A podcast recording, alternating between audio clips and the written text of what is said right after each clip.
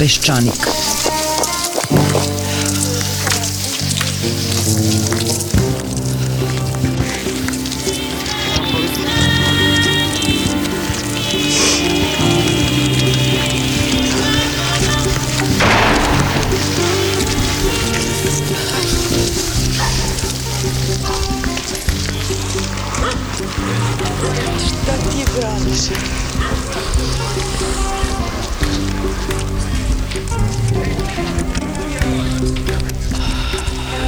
Peščanik.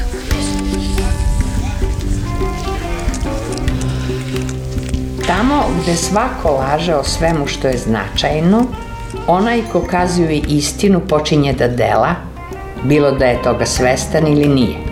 Tako se i on upliče u političku delatnost, jer u slučaju da preživi što nije sigurno, on započinje promenu sveta.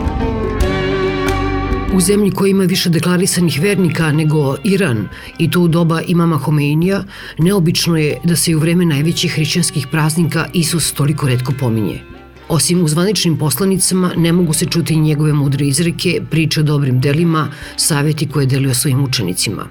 Najređe se pominje njegov susret sa gubavcem, koji, kao i svi oboleli od te bolesti, u to vreme nisu mogli da žive u naseljenim mestima – On je dopustio ne samo da mu bolesnik priđe, nego ga je dotakao svojim rukom i ozdravio. Isus kao simbol samilosti nije poznat u ovim krajevima. Zbog toga čak ni ovakvi praznici ne mogu biti povod da se pomenu svi novi gubavci, svi oni ljudi koji su zbog raznih svojstava izolovani i izopšteni iz društva. Mnogo će se ljudi s razlogom buniti što su im uskraćena neka prava, na primjer pravo da saznaju zbog čega je izgradnje Beograda na vodi u javnom interesu, zbog čega je pao helikopter. Nekim ljudima je uskraćeno pravo da se školuju na maternjem jeziku, nekima da biraju seksualnog partnera, nekima pravo na socijalnu pomoć. Međutim, postoji nekoliko desetina hiljada ljudi u ovoj zemlji kojima su uskraćena apsolutno sva prava. To su ljudi kojima je sud na osnovu zahteva članova porodice ili centara za socijalni rad oduzeo poslovnu sposobnost. Oni ne mogu da odluče o tome ni gde će živjeti, ni s kim će živjeti, ni da li će imati decu, ni da li će moći da putuju. Ne mogu da raspolažu svojom imovinom, ne mogu da otvore račun u banci, ne mogu da rade, ne mogu da volontiraju. Sve to, a i mnogo više, ne mogu osim ako im ne odobri staratelj. U današnjoj emisiji čućete sudije, advokate, socijalne radnike i mnoge drugi koji će nas u narednih 40 minuta podsjetiti na sve strahote kroz koje prolaze naši sugrađani kojima je oduzeta poslovna sposobnost, uglavnom do kraja života a taj kraj često dočekuju zatvoreni u nekoj instituciji daleko od glavnih puteva i naseljenih mesta. U prvom delu emisije čućete najpre Jelenu Mihajlović-Marković, koja svome sinu pokušava da vrati delimičnu poslovnu sposobnost pravnika Bojana Gavrilovića, pomoćnicu poverenice za zaštitu ravnopravnosti Kosanu Beker, socijalnu radnicu Biljanu Jovanović, Draganu Ćerić Milovanović iz Inicijative za prava osoba sa mentalnim invaliditetom i najpre Dragana Jugovića. Ja i Marija smo oboje pacijenti i to psihotični pacijenti. Oboje se lečimo u istoj ustanovi, živimo zajedno već 12 godina. I pazite, dva pacijenta od najteže dignoza. Mi uspe, mi preživljavamo, uspemo da živimo. Hvala Bogu da imam porodičnu penziju, da imam stan. Idemo u dnevnu bolnicu, sam zaštićen od, od hospitalizacije zatvornog tipa. Šta meni fali? Govori o tome da ljudi koliko imaju sreće pre svega A ja sada. imam sreće, da. I adekvatnu podršku mogu samostalno da žive i prosto nemaju potrebu za, za hospitalizaciju. A ja sam imao sreću. Da. Dva puta sam bio u opasnosti da dobijem staratelje. Prvi put kad su mi umrli roditelji, umrli roditelji, ja sam trebao da nastavim porodičnu penziju. Onda se prvo ramatra dobićeš porodičnu penziju ako imaš staratelje. Inače, ne, nema penzije. I na svu sreću sam naišao na divnu ženu, na direktora Centra socijalni rad. Pozvala me da razgovaram sa njihovim psihologom, Centra socijalni rad. Pa će psiholog dati izveštaj. Kod psihologa sam provao oko dva sata, ona sve mi ispitivala. I onda je psiholog Centra socijalni rad napisao izveštaj Dragan Jugović je sposoban da samostalno živi, sposoban je. A ovo je bilo čista sreća jer upravo od centara stiže ta dezinformacija koja se često daje porodicama da bi osoba ostvarila neko svoje pravo iz oblasti socijalne zaštite da mora biti lišena poslovne sposobnosti. Čak se sada govori da bi osoba ostvarila pravo na dom se i to dovodi u vezu i odatle prvo kreće od samog centra dezinformacija gde se povezuje ostvarivanje određenih prava sa lišenjem poslovne sposobnosti što nigde ne piše zapravo u zakonu gde njima lakše naprosto ako imaju taj papir da se ne dovodi u pitanje da li osoba ima, ne, može ostvariti neko pravo ili ne može. Drugi put sam bio pasnosti kad sam već bio u braku, 2006. godine sam zajedno bio na odeljenju i moja lekarka koja me vodila tad na, na odeljenju, ona je htela samo inicijativno da meni odredi staratelja. Je to neko nje tražio, nije. Ja sam se bio teško razbolao, ali dobro, ja sam si ranije puta razbolio, pa sam se bio ozdravio, uđem u remisiju. Remisija je kad sam zalečen. Ja sam svratio do dnevne bolnice. I sam konsultovao doktora Davidovića, njemu dugujem veliku zahvalnost, jer da nije njega, ja bi danas bio bez moje Marije. Draganova priča jeste zapravo priča o ljudima koji imaju problema sa mentalnim zdravljem, ali mnogo više su ovim problemom pogođene osobe sa intelektualnim smetnjama i osobe sa autizmom, jer vrlo često oni ne mogu da govore u svoje ime. One se često poistovećuju sa osobama sa intelektualnim smetnjama, a to je meni negde jednako sa tim kao kad biste osobu koja govori strani jezik lišili poslovne sposobnosti. To zaista kreće ili iz dobre nabere, zato što ljudi nemaju informacija šta to sa sobom povlači, e, ne shvataju da se time zapravo ta osoba svodi na stvar, da gubi sva svoja prava. Ona možda ne gubi pravo da poseduje imovinu, to ćete čuti kao informaciju, ali ona gubi pravo da raspolaže tom imovinom. Osoba može da nasledi penziju, ali ne može njome da raspolaže. Takođe ne može da preuzima nikakve obaveze, tako da potpiše bilo koji ugovor, gubi pravo glasa i pravo da osnuje porodicu. Čak ukoliko osoba je lišena poslovne sposobnosti, ukoliko dobije dete, to dete može biti dato na usvojenje bez saglasnosti te osobe. Tako da zaista, mislim, kada krenete da listate, to je strašno šta je jedna osoba koja je lišena poslovne sposobnosti ne može. Zapravo ništa ne može. Ja sada znam da sam napravila veliku grešku što sam to pokrenula i ja sam sada zakonski staratelj mome sinu. Zašto sam to učinila? Jedan je bio razlog što je to sad, znate, sad je to punoletstvo i vi nekako osjećate pritisak da sad ako se nešto desi njemu ili ako on nešto nekom drugom, mada ne znam šta bi to mogo da uradi, onda kako će on da odgovara za te svoje postupke ili kako će on da se brani od nekog drugog ako ne može da funkcioniše bez pomoći drugoga, jer on i dan danas ne govori, znači ne, ta sposobnost govora ne postoji. I to znači smatrajući da ja to radim da bih njega zaštitila. Drugi razlog je bio taj što su nam roditelji koji su prošli ta iskustva i čija su deca starija bila od našeg Miša u to vreme, takođe to rekla to morate da uradite. I treći možda šta se dešava onog momenta kada nas kao roditelja više nema, a Miša treba da živi negde.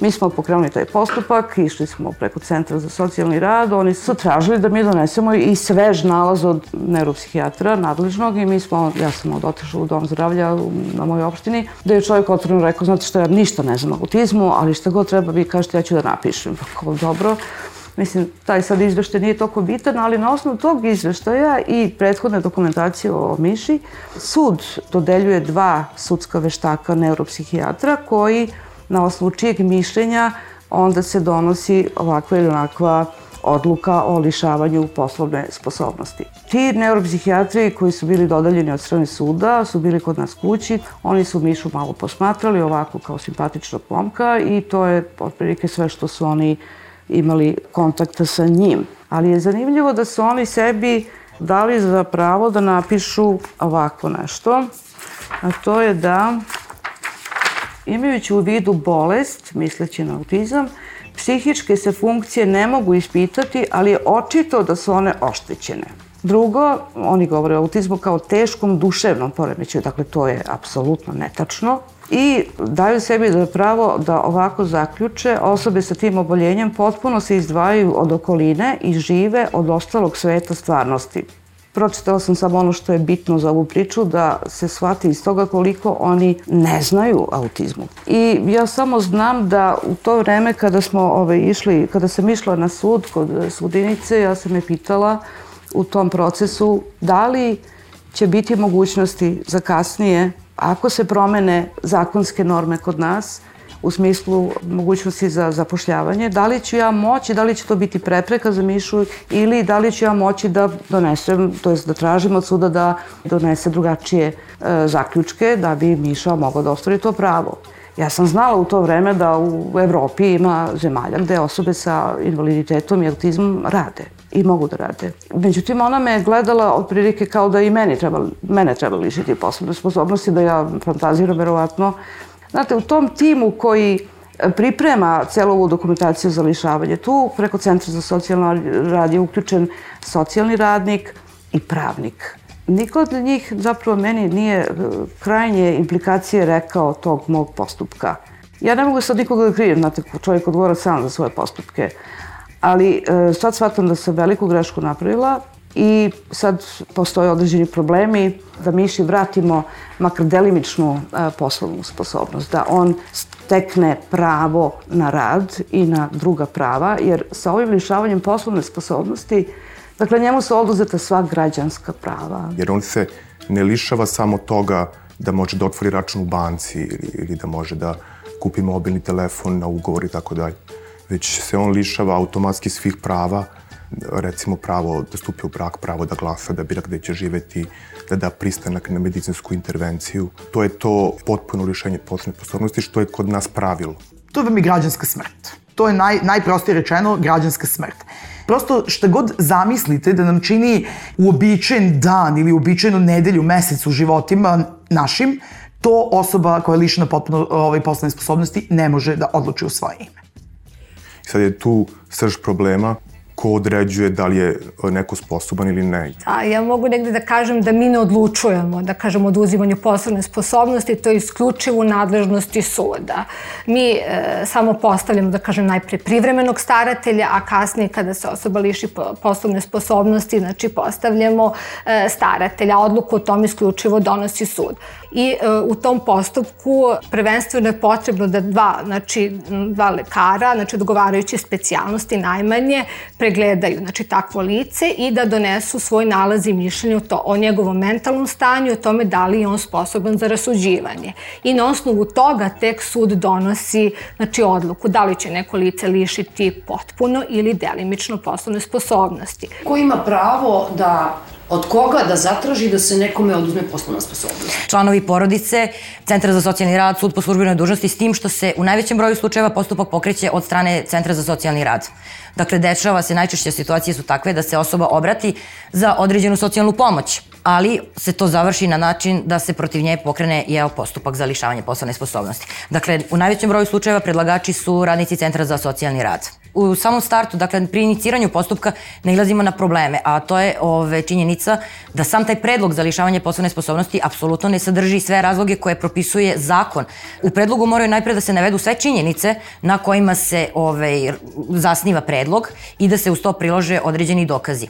Šta se dešava u praksi? Se to dešava da je to predlog koji ne sadrži više od pet rečenica, 50 reči kod kojih je polovina lični podaci o osobi protiv koje se postupak pokreće i da ni u jednom od njih ne postoji razlog. Kao razlog se navodi činjenica da lice ima određenu smetnju u psihofizičkom razvoju i tako dalje. Određeni oblik invaliditeta i to je zapravo razlog što su osobe sa određenim invaliditetom najčešće osobe protiv kojih se ovaj postupak vodi. Kako cent, neku centru za socijalni rad može da kaže ova osoba je bolesna, oduzmite joj poslovne sposobnosti? E, to se dešava često na osnovu uh, impresije. Dakle, razgovora sa licem, ako neko lice ima otežan govor, smetnje pri govoru, ako je uočiva neka psihofizička mana, automatski se postupak pokreće. Imali smo situacije da kad primimo predlog, kad nam se osoba obrati i donese nam predlog i kaže evo ovo, su, ovo sam dobio iz suda, Centar za socijalni rad je pokrenuo, mi onda pogledamo i shvatimo da predlog zapravo ne sadrži uh, razloge koji su predviđeni zakonom, dakle ne ispunjava zakonske uslove. U tom slučaju sud bi trebalo da predlog odbaci.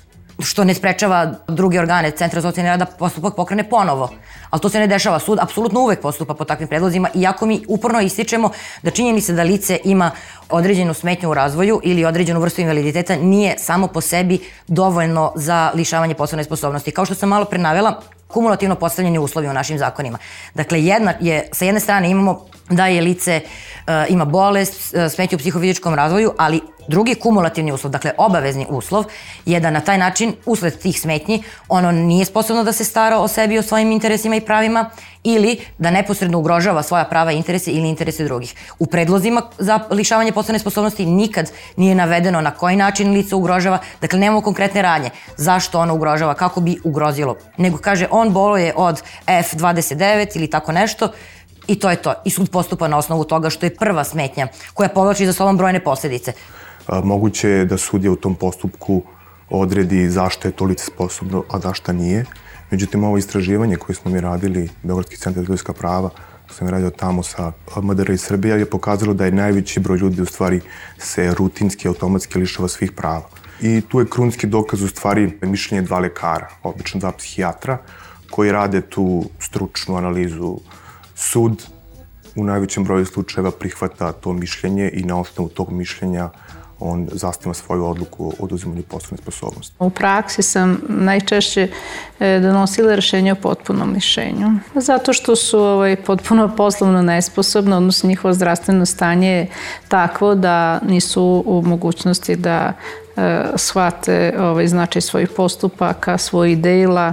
Na kraju medicinska dokumentacija vam je tu presudna eventualno e, mišljenje veštaka, kakva je progresija određene bolesti u zavisnosti kad se sve te kockice slože i kada sve to sagleda u svojoj ukupnosti, onda se donosi rešenje. Naj, najčešće, bar do sad bilo je, da se e, lica lišavaju potpuno poslovne sposobnosti. Mi imamo primere gde uh, se veštačenje vrši bez prisustva osobe. Takođe, osobe koje imaju E, kompleksne smetnje koji imaju problema u komunikaciji, u kognitivnom funkcionisanju. E, ne možete vi na osnovu jednokratne procene zaista doneti validan sud o tome da li je ta osoba u stanju da rasuđuje, o čemu je, može samostalno rasuđivati, gde joj je potrebna podrška, to je prosto nemoguće doneti. Tu zaista ljudi, neuropsihijatri uz, preuzimaju negde uh, ulogu Boga. To su mahom uh, bili teški uh, slučajevi, lica koje su ove, smeštena u uh, ustanovi za lečenje Gornja Toponica u, u Aleksincu, gde zaista zbog teškog mentalnog stanja nisu sposobni da se stari o svojim pravima i interesima, ali, kažem opet, isključivo na osnovu nalazi mišljenja veštaka, lica koje su stručna i na osnovu saslušanja e, tog lica i e, na osnovu drugih dokaza koje smatram da treba, treba izvesti. Obrazloženja koja sam videla ja svojim očima, dakle nije mi neko pričao, više se potrude oni iz elektrodistribucije kad nas obaveste koliko e, dugujemo i po kom osnovu dugujemo da obrazlože to svoje rešenje o visini našeg dugovanja nego što su obrazloženje sadržala Dakle, rešenja kojima nas neko lišava našeg elementarnog ljudskog prava. U nastavku emisije govorit će pravnica Komiteta pravnika za ljudska prava Kristina Todorović, poverenica za zaštitu ravnopravnosti Nevena Petrušić i sudije iz Novog Sada, Loznice i Aleksinca, Ružica Garčev, Miroslav Aleksić i Tanja Mitrović. Najpre Kristina Todorović и судија апсолутно овој стае на страну центра за социјални рад, односно против лица, така да то лице уколико нема адекватну помош у смислу адвоката, заступника, то лице се бори не само против Центра за социјални рад, бори условно речено, веќе он и у поступку и против вештака, и против старателја, и против самог суда.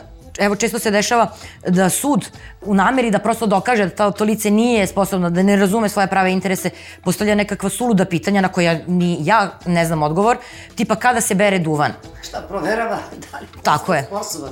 Tako je, na osnovu toga oni proveravaju da li je, da li je on poslovno sposoban. Dakle, veštačenje uh, koje je zapravo presudno, kako se do sada iz praksi, u praksi pokazalo, presudno ove, u svim postupcima, kao što sam rekla, veštaci su ti koji praktično donose odluke, ne formalno, ali praktično oni.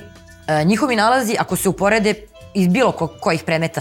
To je apsolutno jedno te isto. Dakle, moglo bi da se pročita nalaz veštaka u jednom, drugom, trećem predmetu, da se sve to zameni, osim ličnih imena i eventualno diagnoze, sve ostalo je isto. Nije opisano na koji način to lice iz kojih razloga ovaj, ugrožava svoja prava, na koji način ugrožava prava drugih, šta se dešava da izjednačavaju se intelektualne sposobnosti sa poslovnom sposobnošću. Dakle, veštaci su ti koji zapravo donose odluku u ovim postupcima, što je zapravo i najspornije. To što neko možda ne ume da proceni koliko vredi stan na terazijama ili koliko vredi kuća u selu u Vojvodini, da li to znači da taj neko ne može da izađe i da glasa? I da li to znači da taj neko ne može da odluči, da li ne može da izabere lekara ili lekarku? To što neko možda ne zna te velike stvari, ne znači da ne zna da ode u prodavnicu i da kupi namirnice i da plati račune. To zbog čega se ljudi lišavaju poslovne sposobnosti, da kad, bi, kad bismo malo dublje to analizirali, mogli bismo da vidimo da, da bismo svi mogli da budemo lišeni poslovne sposobnosti, zato što mi svi dnevno, znači svaki dan ili, ili ako, ako ne svaki dan, jednom mesečno je na, i nama potrebna podrška da donesemo neku odluku. I ako hoćemo da podignemo kredit, mi odemo negde da se posavetujemo pa onda se desi da imamo ovoliki broj građana i građanki koji su podigli kredit u švajcarcima za koji se ispostavilo da uopšte nije bila dobra odluka. Mi smo preko hiljadu sudskih odluka analizirali, e, tačnije 997 odluka osnovnih sudova i oko 30 i nešto odluka viših sudova, jer se često dijagnoze navodi kao osnov lišenja poslovne sposobnosti, što predstavlja diskriminaciju. Evo, ja sam diagnostifikovan sizofetini poremećaj, vrsta šizofrenije, šta meni fali? Evo, sedim ovde sa vama, da. pričam, učestvujem u emisiji, što meni što fali? Či u tim odlukama nigde ne piše čega osoba ili na koji način osoba ugrožava svoje prave i interese, zbog čega se njoj, on, njoj lišava poslovne, zbog čega se ona lišava poslovne sposobnosti, već se samo navodi dijagnoza, opisuje uh, stanje te osobe i navodi medicinska dokumentacija koju ta osoba ima. Sud je u preko 80% slučajeva na osnovu istraživanja koje smo radili 2011. godine sa Beogradskim centrom za ljudska prava uopšte ne vide tu osobu. Sudije e, pokušavaju da izbegnu tu obavezu na taj način što pre veštačenja. Veštaci na, obave pregled i obaveste sud da on nije sposoban da učestvuje u postupku. Evo ja znam kakva je praksa u Nišu, mi imamo tamo jednu psihijatrijsku ustanovu, zove se Toponica, velika psihijatrijska ustanova. Dakle, te osobe koje su tamo smeštene i sada se ovaj postupak pokreće nakon što su smeštene, dakle, sudije jednostavno nisu odlazili. Ja, saslušaj vas. Ja sam to svojim očima gledala, ja sam radila jedno malo istraživanje. Osobe su tamo smeštene, sudija čeka nekoliko meseci, pa onda dođe jednoga dana u psihijatrijsku ustanovu, oni joj sve to pripreme, sva su rešenja ista ko jaje jajetu, samo se menja ime. Samo se menja ime. I sudija dođe, popije kafu, to je tako bilo. Znate kako vi, vi to radite serijski, jednostavno imate, obradite, jednostavno iščitate predmet, vidite šta se traži. Kad nama stigne predmet, najčešće to je predlagač centra socijalni rad. Problemi u praksi su najčešće ti da e, se, recimo, kao predlagač javi centra socijalni rad, sudija traži e, privremenog staratelja od istog tog centra za socijalni rad, pa onda isti taj centar za socijalni rad postavi recimo diplomiranog pravnika za privremenog staratelja i onda vi imate direktora koji zastupa centar za socijalni rad predlagača koji želi da se to lice liši poslovne sposobnosti i imate diplomiranog pravnika iz istog tog centra za socijalni rad koji štiti lice protiv koga je, ovaj, se pokreće taj postupak. To su male dvoglave tvorevine.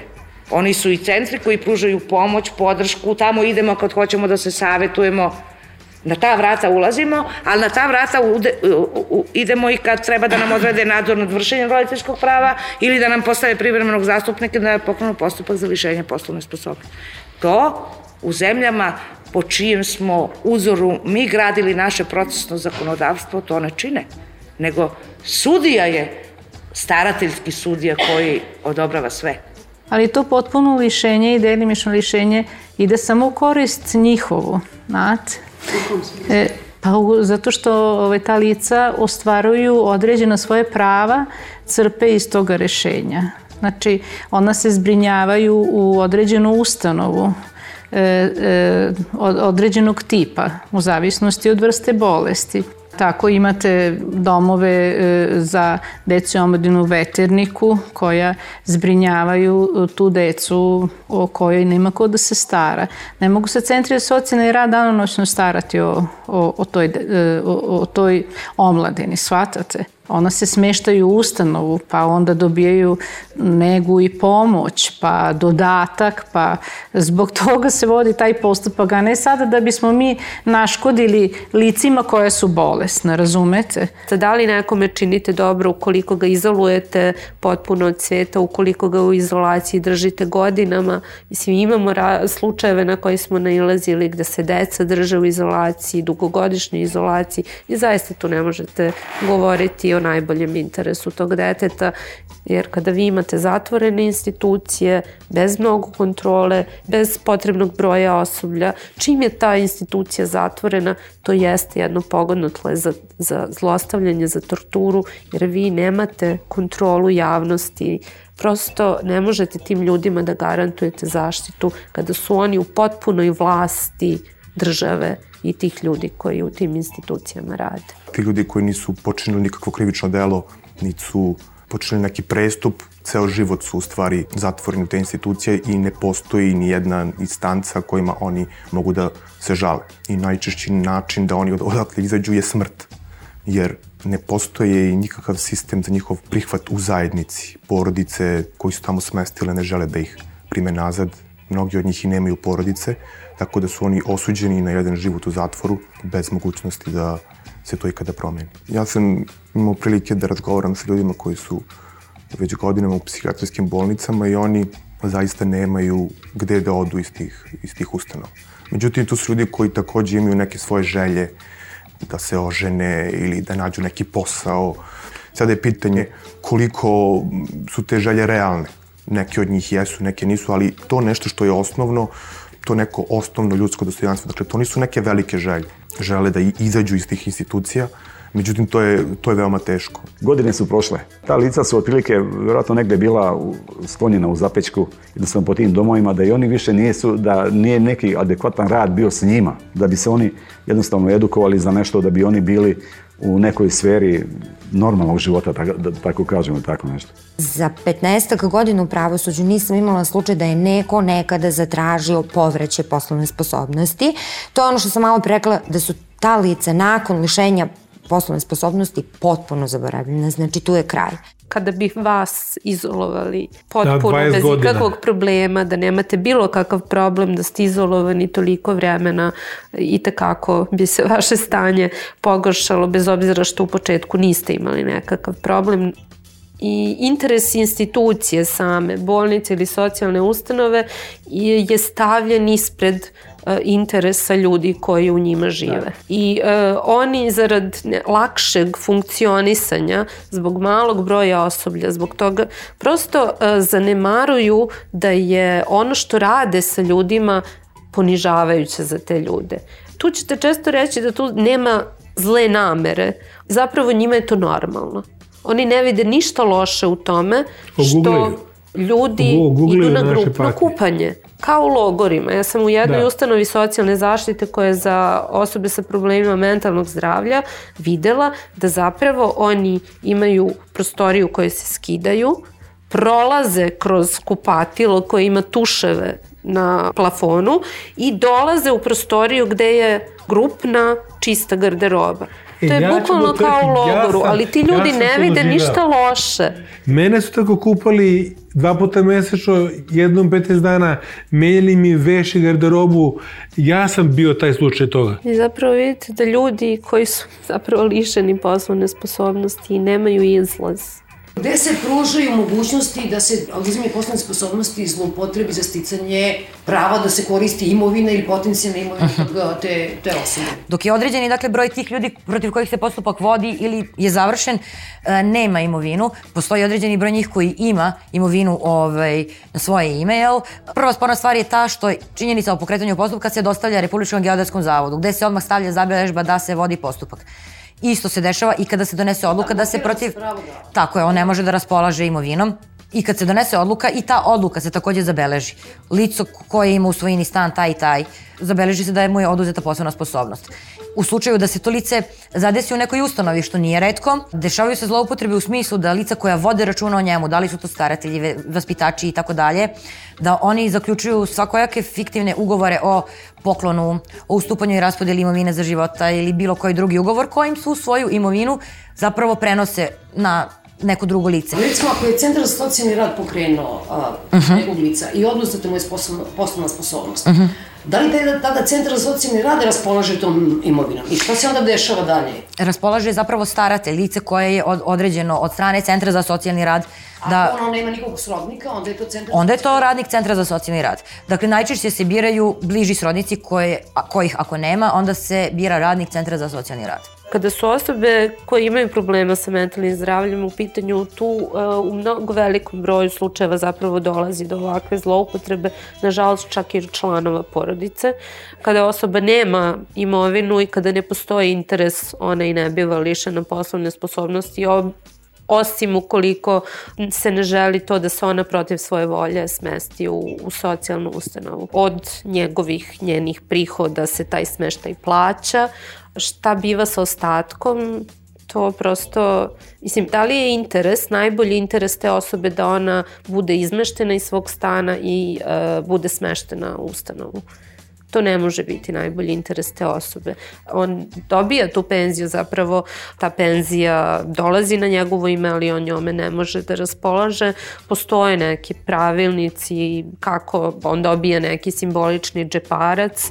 Uh, ukoliko se smatra da je on da on ne može ni time da raspolaže, onda tim džeparcem raspolažu zaposleni ustanovi i kupuju ono što njemu treba, ali on zapravo ne može da donosi nikakve odluke o svom životu, gde će živeti, šta će raditi, s kim će živeti, šta će jesti, šta će obući, prosto sve to je prepušteno u ovom slučaju zaposlenima u instituciji ili staratelju ukoliko on živi van institucije, ali najčešće oni završavaju u instituciji, ta imovina ostaje, kada njih više ne bude, ostaje državi, ostaje tom to staratelju. staratelju. Staratelju i, mislim, tačno je da oni ne mogu da, e, na primjer, prodaju tu imovinu bez saglasnosti. A šta kada on umre? Organa starateljstva, ali opet kažem kada je staratelj ujedno i zaposleni centra za socijalni rad, to zaista otvara velike mogućnosti za zloupotrebe.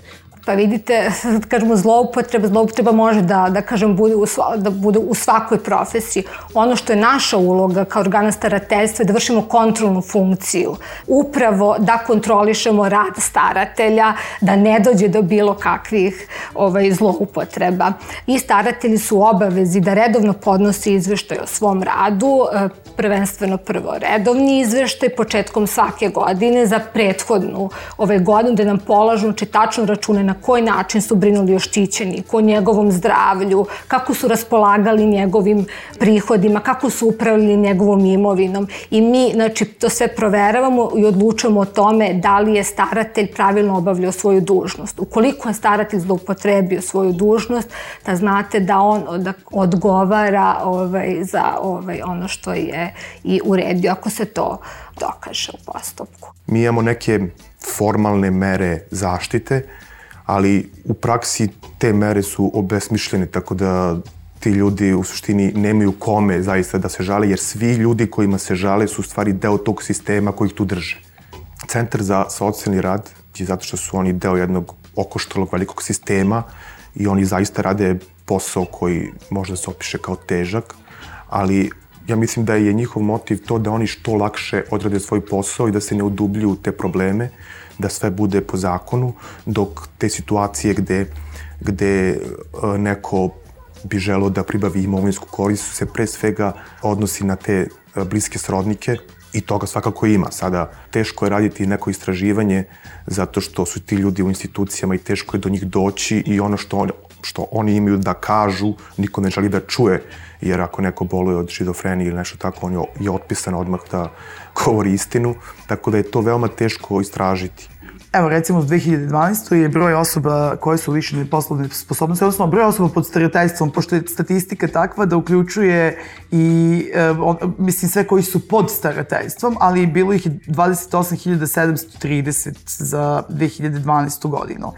Recimo, u 2011. godini broj se osoba pod stereotajstvom je povećan za 33,9% te godine. I onda još za 20% sledeće godine. To je ukazala Evropska komisija u svom izveštaju o napretku. Kako oni zovu, ove godine prvi put eksplicitno pomenuta poslovna sposobnost naše, nakon našeg višegodišnjeg zastupanja i skretanja pažnje na taj problem, da to otvara mogućnosti za velike zloupotrebe. Tim rečima e, stoji u izveštaju i e, zahteva se od Srbije da svoje e, zakonodavstvo i praksu uskladi sa međunarodnim standardima.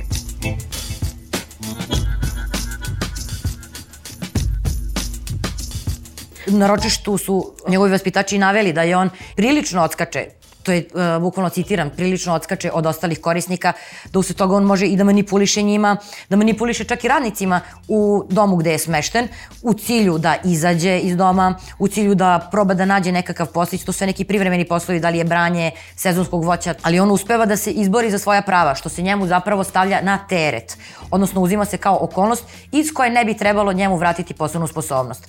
On je postupak pokretao za vraćanje poslovne sposobnosti, obzirom da je bio potpuno lišen poslovne sposobnosti od 2005. 6. 2007. je uspeo da bez pomoći advokata vrati uh, delimično sam sebi poslovnu sposobnost i od tada on konstantno vodi postupak za vraćanje potpune poslovne sposobnosti.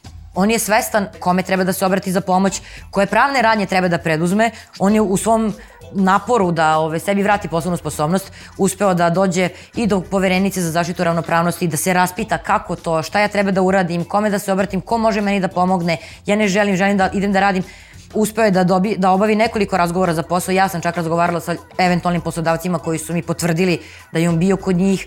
To su neki banalni poslovi, ali poslovi od kojih bi on mogao da obezbedi sebi neku bare minimalnu egzistenciju. Ponavljam, u svo to njegovo insistiranje na vraćanju poslovne sposobnosti se konstantno uzima kao činjenica zbog kojemu se ta poslovna sposobnost i ne, ne vraća.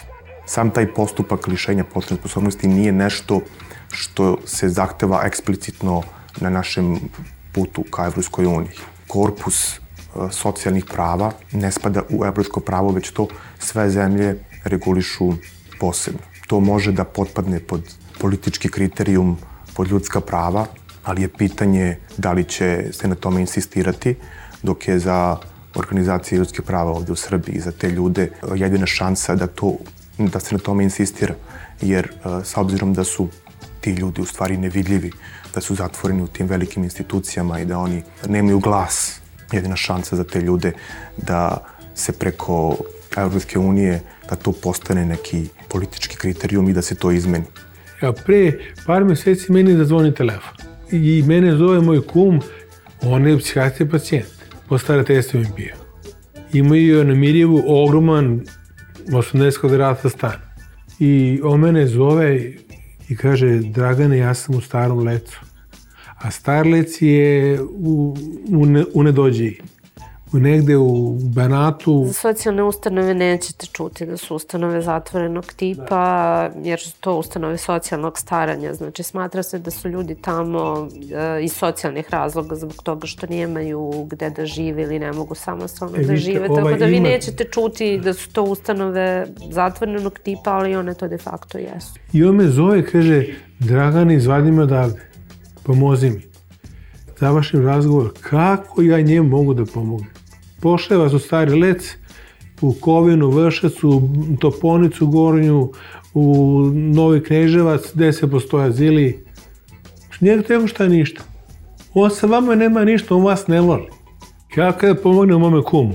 E, vrlo su vam ograničene mogućnosti. Prosto je sistem takav da e, ne ide na ruku, da tako kažem, e, ovim ljudima zaista su ljudi prepušteni na milost i nemilost staratelja. Ukoliko staratelj želi da zaista zastupa interese te osobe, možemo se nadati e, nekom povoljnijem ishodu, ali s obzirom da je ovde on nakon e, stavljanja po starateljstvo smešten u ustanovu, to verovatno je on stavljen po starateljstvom sa namerom da bi se smestio tamo, tako da zaista su nam vrlo ograničene mogućnosti i Draganu u ovom slučaju da, da mu pomogne.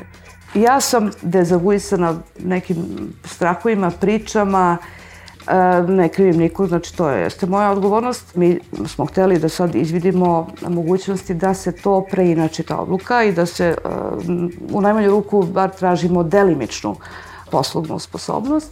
Međutim, problem je što meni niko ne garantuje ko će sad biti opet dovoljno stručan da proceni ono što sad treba da proceni kod našeg sina da je došlo do poboljšanja stanja i funkcionisanja od momenta kada mu je bila oduzeta poslovna sposobnost. To je ta kvaka jedna koja je sad dosta teško ovaj, osmisliti kako da se to uradi. Jer ovako, on e, sa 30 godina sedi u kući sa nama nije da je to nešto ružno, nadam se da mu je lepo, ali hoću da kažem, to nije normalno stanje. Znači, mi imamo svoje poslove, a Miša ne ide nigde. Znači, on sedi od jutra do sutra. Hoću da kažem da to pitanje lišavanja poslovne sposobnosti je nešto čime sad treba da se pozabavimo da bismo iznašli i načine da se on uključi u društvo na, na što više načina. Da ne kažem o tome da je tu zaista je to pitanje moralnog odnosa, bez obzira to što, što sam ja njegova mama i kao mama svakako svako misli da kao roditelj želi najbolje svom detetu. Ali on kao čovjek od 30 godina ima pravo da nešto bira i mi naravno uvijek e, izlazimo u susret njegovim željama i ali prosto mislim da zakonski nije u redu da vi nekom onemogućite da iskaže svoje htenje, želje, nego da vi kao neko drugi odlučujete u njegovo ime. Tako da ove, to jeste onako ljudski problem.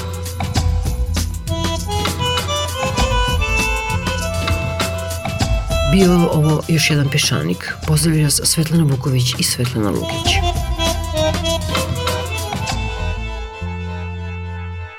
Peščanik –